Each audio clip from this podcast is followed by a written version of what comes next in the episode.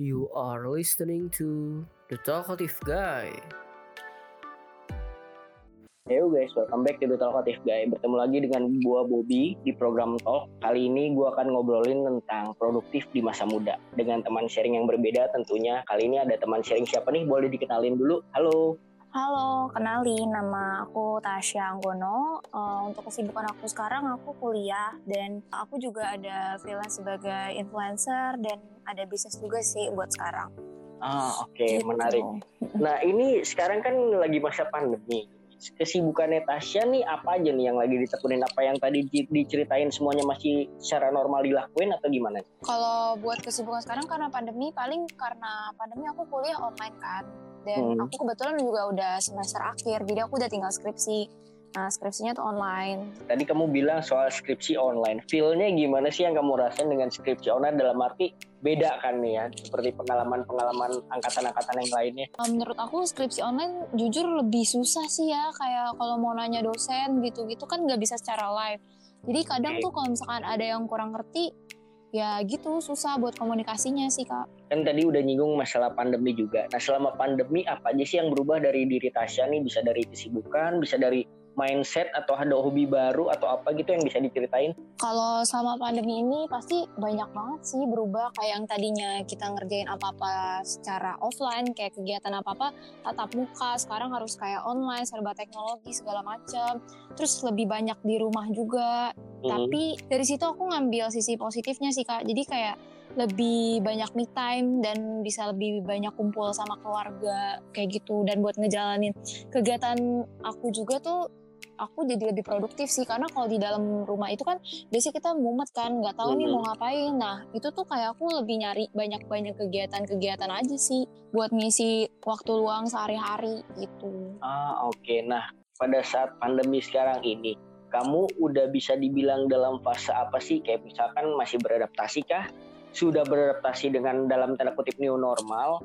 Atau kayak lagi down nih malah banyak pikiran atau segala macam kalau keadaan sekarang ini ya dengan ada pandemi. Kalau aku sih udah bisa dibilang udah beradaptasi ya sama new normal jadi kayak ya udah udah terbiasa sama uh, keadaan yang kayak gini gitu. Uh, Oke okay. tapi pasti dulunya pernah kayak ngerasa kayak bingung banget dan ya maksudnya kayak down gitu Tasya juga ngalamin atau gimana? Oh iya sempat kak karena aku kan kebetulan orangnya juga yang jarang banget bisa ada di rumah jadi oh. kayak oh. kebanyak ngabisin waktu tuh di luar kayak ngapa-ngapain di luar, banyak organisasi juga, terus kayak banyak lah kegiatan-kegiatan yang aku lakukan di luar. Nah itu waktu itu waktu awal-awal pandemi itu kan kita PSBB ya, itu sama sekali yang nggak boleh keluar ke mana-mana. Nah di situ aku sempat kayak aduh pusing dan ngerasa stres banget sih di, berada di rumah karena ngapa-ngapain tuh serba terbatas, ketemu orang serba terbatas. Tapi ya dari situ balik lagi aku kayak ngambil sisi positifnya itu. Jadi sampai sekarang udah bisa beradaptasi sih. Ah, oke okay, oke. Okay. Nah, ini kita masuk ke pribadinya Tasya secara umum gitu. Kalau bisa dibilang Tasya yang dulu sama yang sekarang transformasi kedewasaannya seperti apa sih? Apa nih yang beda? Aku yang dulu. Kalau aku yang dulu, aku tuh lebih apa ya? Apa-apa tuh lebih berkegantungan sama orang lain. Misalkan uh, teman aku mau ngapain tuh aku suka ikut-ikutan. Lebih orangnya tuh kayak ikut-ikutan. Iya kayak nggak bisa ngapa-ngapain sendiri gitu. Jadi kayak maunya tuh ada temennya, harus ada temennya. Ngapa-ngapain tuh harus ada temennya. Tapi buat aku yang sekarang aku udah bisa ngelakuin apa-apa tuh by my own self aku sendiri gitu. Jadi kayak mau ngapa-ngapain udah nggak harus yang ada teman, udah bisa ngelakuin semuanya sendiri gitu. Jadi nggak udah nggak ketergantungan gitu sama hmm. orang. Oke, nah yang buat kamu berubah seperti itu tuh karena faktor apa sih? Kayak emang ya dalam tambahnya umur aja kesadaran diri sendiri atau ada kayak faktor-faktor lain gitu? Kesadaran diri sendiri sih, kayak aku mikir nggak mungkin lah aku ngapa-ngapain masa iya ketergantungan sama orang terus kalau misalkan teman aku ke jurang hmm. masa aku ke jurang kan nggak mungkin jadi kayak aku harus punya pendirian aku sendiri gitu hmm, itu sih okay. paling berarti peran terbesar dalam kedewasaan kamu masih ada diri kamu sendiri ya maksudnya daripada faktor-faktor eksternal ya iya lebih kayak kesadaran diri sih kak oh oke okay, oke okay. nah itu tapi kamu yang bikin kamu kesadaran diri sendiri itu karena emang pernah mengalami gagal kecewa seperti itu atau sebenarnya enggak juga kalau boleh jujur sih aku pernah ngalamin kecewa ya kayak aku punya teman dekat dan Hmm. dia tuh kayak ya gitu jadi kayak ninggalin aku dan sem- semenjak dia ninggalin aku itu kayak waktu itu sempet kayak aduh bingung kelimpungan yang biasanya berdua sama dia Hmm. ngapa-ngapain sama dia eh tiba-tiba harus ngelakuin semuanya sendiri nah dari situ kayak tapi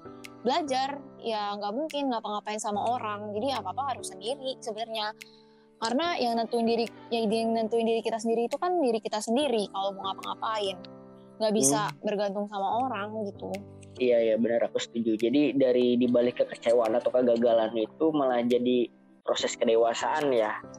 Iya dari betul ya. banget pak Oke, iya betul kalau sih ngomongin soal orang tua dikit gitu, orang tua kamu tuh mendidik kamu seperti apa sih dan pesan apa nih yang paling ingat sampai sekarang dari orang tua? kalau orang tua aku orangnya tuh nggak yang neko-neko sih mereka kayak Hmm. simple gitu mereka nggak kayak yang banyak ngelarang ih Tasya nggak boleh gini, ih Tasya nggak boleh gitu mereka tuh lebih kayak ngebebasin asal aku itu tahu batas wajar dan aku tahu yang mana yang terbaik buat diri aku yang mana enggak gitu mereka Hmm, nggak yang terlalu ribet gitu sih. Ah, terus kalau untuk pesan yang paling diinget nih, misalkan orang tua ngomongin apa gitu yang jadi pegangan. paling itu sih kak kalau misalkan kayak kamu mau ngapain aja boleh tapi asal jangan ngelakuin hal-hal yang buruk dan malu-maluin buat keluarga gitu Kalau untuk Tasya sendiri, ceritain dong nih satu momen up atau bahagianya pas kapan gitu yang diinget dan apa, dan satu momen down pas kapan dan apa gitu yang diinget. kalau waktu momen up aku itu sih waktu aku dapat achievement kan aku sempat ikut putra putri kartini bekasi itu semacam uh, abang po bekasi gitu aku Tahun berapa ikut. tuh? tahun 2019 Oh, oke. nah ya di situ aku masuk 10 besar itu menurut aku udah suatu achievement aku banget lah gitu. Itu juga Hmm. tempat aku di mana aku keluar dari zona nyaman aku. Itu mulainya dari situ. Kalau momen terdown aku ini sih kak aku kan ini ya orangnya suka nyoba-nyoba bisnis gitu nah Hmm.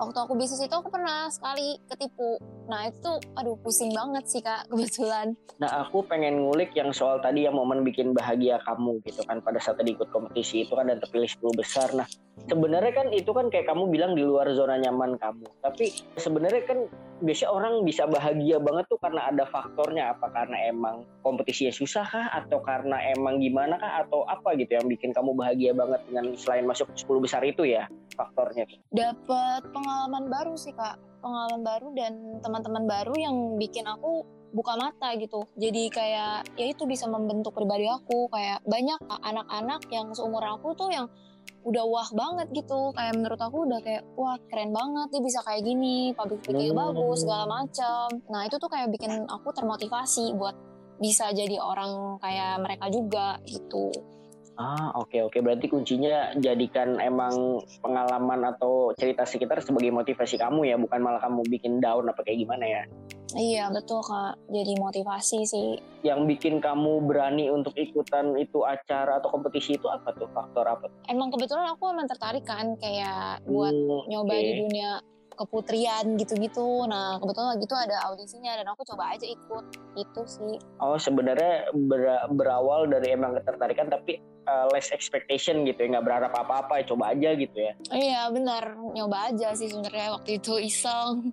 ketika kamu down gimana sih caranya kamu bangkit kan biasanya setiap orang gitu apalagi masih muda punya caranya tersendiri untuk proses bangkitnya gitu nggak langsung tiba-tiba termotivasi nggak langsung tiba-tiba positif apa gimana gitu kalau kamu gimana? Kalau aku waktu itu kan eh, kebetulan itu karena aku ketipu ya otomatis pusing Hmm. juga kan. Posisinya di situ aku nggak bilang ke orang tua aku kalau misalkan lagi Oh. mau mulai bisnis itu. Nah, jadi waktu aku ketipu juga aku nggak ngomong sama orang tua aku sebenarnya karena takut bikin mereka kecewa atau takut gimana-gimana kan. Tapi sebenarnya dari yang ketipu itu aku belajar sih kak, ya supaya nggak terjadi lagi hal kayak gitu. Dan sampai sekarang aku karena pernah ketipu itu justru aku bisa buat bisnis eh, yang lebih baik lagi dan jadi pembelajaran supaya nggak terjadi lagi hal kayak gitu. Hmm oke menarik menarik. Nah tapi s- ibarat kata kamu lagi down itu akhirnya kamu bisa menyelesaikan masalah kamu sendiri apa sebenarnya butuh suportif orang lain orang sekitar selain keluarga gitu? Sendiri sih kak, karena ya itu semenjak aku yang dikecewain aku nggak yang gimana Hmm. nggak berharap banyak dari orang. Jadi ya udah mengandalkan diri sendiri aja gitu Ah, sih. iya iya poin-poin yang menarik karena pada akhirnya ya cepat atau lambat emang kita cuma sendiri sih ya mau umur berapapun itu kan event keluarga pun kan nanti bakal nggak ada atau bakal ada Nah. yang lain gitu kan Iya betul banget kak. Ya apa pun yang bisa kita andalkan pasti diri sendiri gitu. ah Oke. Nah, di umur kamu yang sekarang Tasya, aku pengen tahu nih insecure kamu tuh soal apa sih? Biasanya kan tiap orang punya insecure yang beda-beda. Insecure aku itu soal kesuksesan orang sih kak. Karena Hmm. aku banyak banget ngelihat kayak yang seumuran aku udah punya bisnis lah, dia udah berhasil, udah ini, udah itu. Pokoknya yang benar-benar yang udah terlihat sukses lah. Itu sih yang paling bikin aku insecure. Terus kayak udah banyak pengalamannya. Padahal umurnya sama gitu. Tapi mereka pengalamannya lebih luas, lebih banyak. Hmm, oke oke. Emang indikator sukses nih bukan menurut kacamata orang lain ya, tapi menurut kamu itu kamu udah sukses tuh ketika apa sih? Aku udah sukses ketika aku udah bisa uh, bahagiain orang tua aku sih. Hmm, oke indikator itu dalam bentuk apa pun itu yang penting orang tua Hmm. bahagia gitu ya. Iya, karena orang tua nomor satu sih kak. Kalau buat Ah. aku. Iya iya iya, benar aku juga setuju sih. Kamu bilang cerita di WA kalau misalnya kamu orangnya kadang kemudian, kadang cuek. Nah biasanya yang buat kamu faktor bisa beda seperti itu tuh karena apa sih? Karena diri sendiri kah? Karena orang lain atau gimana? Kalau dari Mudian sendiri itu aku karena emang faktor diri sendiri sih. Mungkin entah bawaan sifat atau gimana emang suka Mudian. Cuman kalau yang cuek itu maksudnya tuh aku nggak nggak terlalu mau ikut campur urusan orang lain gitu. Kayak kalau nggak penting-penting dan nggak menyangkut ke aku tuh kayak ngapain ngurusin hidup orang gitu. Aku lebih kayak kayak gitu. Kadang kan orang suka gosipin ini nih si A gini gini gini. Nah aku tuh lebih kayak kecuek aja, nggak mau yang terlalu ikut campur apa gimana gimana gitu sih kak orangnya. Hmm, oke. Tapi aku kan, ya aku nggak tahu ya maksudnya orang kemudian kayak gimana. Maksudnya secara umum tahu, tapi nggak tahu apa yang dirasain dia gitu. Tapi ketika kamu kemudian, sebenarnya kamu sadar gak sih kalau kamu lagi kemudian dan mungkin bisa merugikan orang lain? Apa sebenarnya ya emang nggak sadar aja gitu kayak gitu? nggak sadar aja sih kak kayak gitu. Oh, kalau Moody tuh biasanya nggak sadar kayak ya kadang seneng nih tiba-tiba uh, jadi bete aja. Tapi kadang aku bisa sadar juga kalau misalkan emang itu karena faktor eksternal.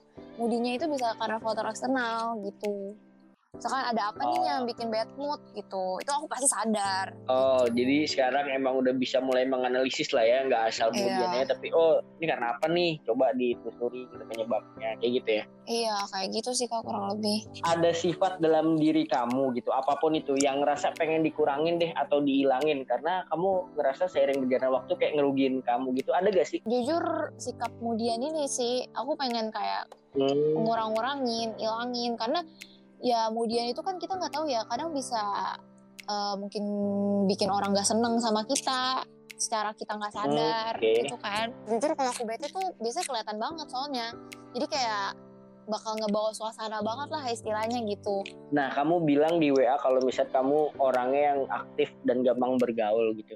Nah, dengan kamu aktif dan gampang bergaul itu suka terasa capek gak sih? Atau malah sebaliknya itu recharge kamu? Nah justru itu kebalikannya sih, itu kayak recharge. Kalau misalkan aku bergaul sama orang, melakukan hal-hal yang berhubungan dengan orang lain tuh aku kayak ngerasa seneng. Jadi kayak energi aku tuh malah jadi naik gitu. Tapi kalau untuk dikaitkan dengan me time, berarti emang jarang banget maksudnya ya lebih seneng kayak misalkan waktu recharge-nya itu ya rame-rame daripada me time sendiri atau gimana tetap butuh me time juga Tasya ini? Kalau masalah me time, pasti setiap orang butuh me time ya. Cuman kalau aku kebanyakan sih memang lebih seneng nongkrong sama orang gitu.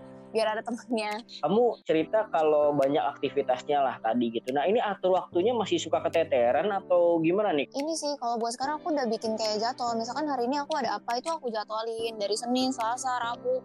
Pokoknya dalam satu minggu itu aku jadwalin aku mau ngapain aja dan jam berapa gitu. Jadi biar tersusun sih kak, biar semuanya kebagian. Dan misalkan kamu lagi padat ya nggak masalah seminggu pun beraktivitas. Apakah kamu saklek kayak nggak bisa seminggu jangan beraktivitas kayak kamu harus ada waktu libur, waktu buat keluarga gitu-gitu. Kamu toleransinya seperti apa nih? Kan dengan jadwal yang banyak dan beda-beda gitu. Pasti dalam satu minggu aku nyedain hari buat istirahat sih, nggak yang full aktivitas banget. Kalau di antara banyak kegiatan yang kamu lakuin gitu, sebenarnya kalau disuruh milih salah satu, paling suka yang mana dan karena apa sih? Aku jujur tertarik ke bisnis sih. Aku emang lagi tertarik-tertariknya buat ke bisnis. Kayak zaman sekarang tuh orang udah banyak ya yang berbisnis, apalagi terutama anak muda.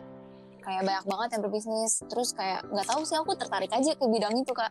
Bisnis apa tuh? Kalau aku sendiri ini ada bisnis properti. Oh bisnis properti. Jadi Hmm. seperti apa tuh? Maksudnya kamu ngejual-jualin langsung direct gitu kayak uh, eh, agency properti gitu atau gimana? Eh, iya semacam agent properti sih aku. Oh oke menarik dengan usia yang masih muda tapi ya ya, kalau menurut aku ya yang sebagai lebih tua daripada kamu kan bisnis yang seperti itu kan kayak nominalnya besar dan resikonya juga besar kan Iya.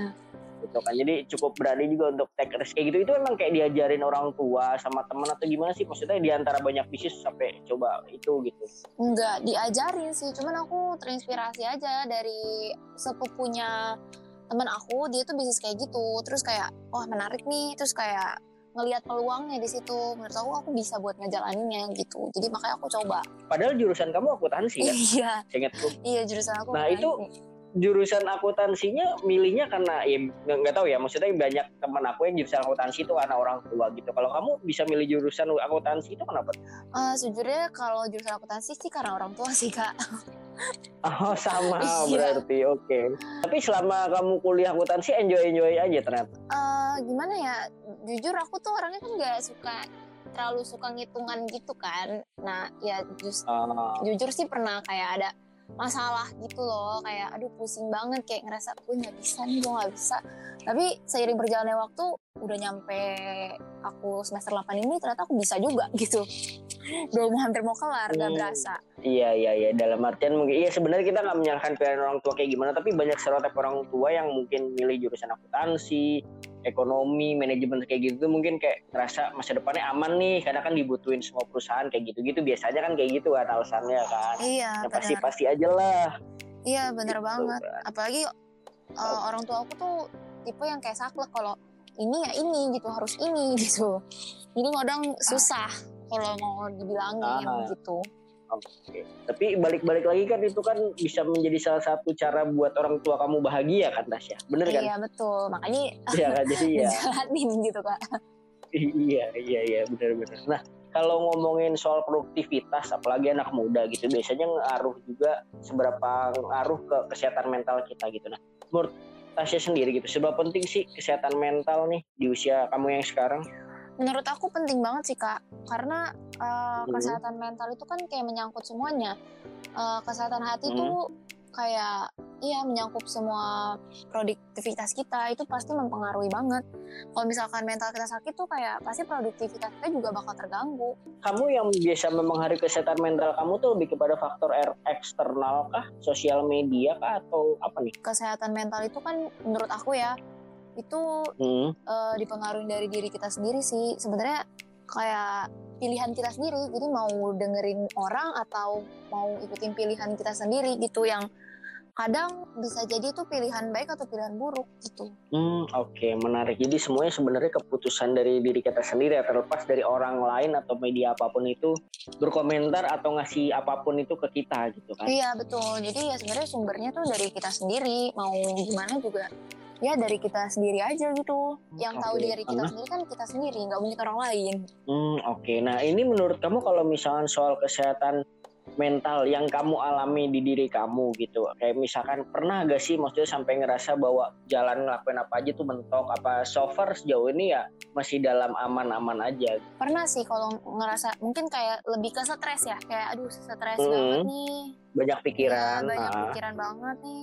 Ya itu apalagi kan kayak di jurusan yang akuntansi ini kan aku udah bilang kan itu kan pilihan orang tua kan. Nah sempet lah Ah. kayak ngadep, ngadepin masa-masa aduh gila stres banget. Apalagi kayak ujian gitu kan. eh, kalau di kampus aku kalau ujian tuh kalau nyontek bisa DO gitu. Nah itu stres banget kan. Iya, yang bisa bikin kamu melewati fase tersebut karena apa nih? Karena emang ya udahlah tenang aja ada banyak teman-teman atau gimana nih? Karena pilihan dari diri aku sendiri kalau misalkan aku tetap mau berjuang. Ah, oke. Akhirnya merealize hal seperti itu Iya. ya. Kayak aduh Ah, harus berjuang nih tanggung nggak mungkin lah putus di tengah jalan. ah, betul betul. Nih untuk om tante nih siapa tahu dengerin gitu apa gimana? Nih, Maksudnya bukan ngomongin curhat apa gimana gimana nih, cuman lihat sisi positifnya dari sebuah hal-hal yang mungkin jadi beban pikiran atau kayak gimana. Karena selalu ada sisi positifnya ternyata kan dari yang Tasya cerita tadi kan. Iya betul. Pasti semua hal ada sisi positifnya asal kita ngelihatnya dari sisi apa, tergantung kita sendiri gitu. Kan itu juga buat para orang tua mungkin ada orang tua yang dengerin podcast ini juga coba bisa jadi diskusi yang menarik gitu terhadap anaknya gitu kan. Karena tiap orang pasti punya mindset atau pandangannya masing-masing kan apalagi tentang jurusan kuliah kayak tadi. Iya. oke. Nah untuk ngomongin sosial media gitu kan kamu kan termasuk aktif di sosial media dan punya banyak followers gitu. Sebenarnya awal mula aktif di sosial media tuh udah lama kah? Emang udah didesain kayak pengen aktif dan nge-branding atau gimana sih awalnya nih Tasya? Uh, awalnya aku emang aktif di sosmed sih kak. Dari awal emang udah aktif di sosmed, hmm. cuman kalau dulu tuh uh, belum yang nge-branding gitu. Cuman emang suka nge-share kayak misalkan tips-tips kecantikan atau tips-tips skincare. Emang dari dulu emang udah seneng kayak gitu. Emang orangnya suka okay. ngomong di depan umum gitu aku orangnya ya mulai dari situ terus kayak coba bikin konten-konten terus kayak rutin bikin konten ya. Terus ikut-ikut kayak event-event. Dari situ kayak dapat banyak kenalan-kenalan terus kayak nambah pengetahuan gimana caranya jadi influencer terus kayak sampai sekarang ini sih gitu kak. Tapi kamu inget gak di titik seperti apa atau di posan tentang apa gitu yang bikin kamu kayak ngerasa wah ternyata posan aku bukan cuma sekedar iseng-iseng nyalurin hobi tentang kecantikan segala macam tapi ternyata berdampak juga gitu itu tuh pas kapan inget gak? Waktu itu aku pernah ngepost uh, tips apa kulit beruntusan itu uh, menurut aku uh, banyak engagementnya sih kak. Nah dengan kamu punya followers yang cukup banyak gitu, suka ngerasa pressure gak sih? Pressure itu banyak hal ya kayak misalnya pressure harus kayak ngupload konten kah, harus ada yang di ini kah, harus apa, harus ini, harus itu ngerasa kayak gitu gak apa? Sebenarnya masih santai aja di pas yang sekarang ini. Uh, kalau aku kebetulan enjoy sih, aku enjoy mm, sama kerjaan aku yang kayak gitu kayak emang seneng kayak balik lagi aku hmm. bilang aku tuh emang seneng buat kayak bikin konten-konten gitu terus kayak uh, buat sharing di depan umum gitu. Aku suka ya emang hobi. Sebenarnya emang ini semua berawal dari hobi gitu. Makanya bisa jadi kayak sekarang gitu sih. hmm, oke. Okay. nah ini untuk yang kamu rasain sendiri pengaruh positif dan negatif dari sosial media yang kamu gunain mungkin dari Instagram atau TikTok?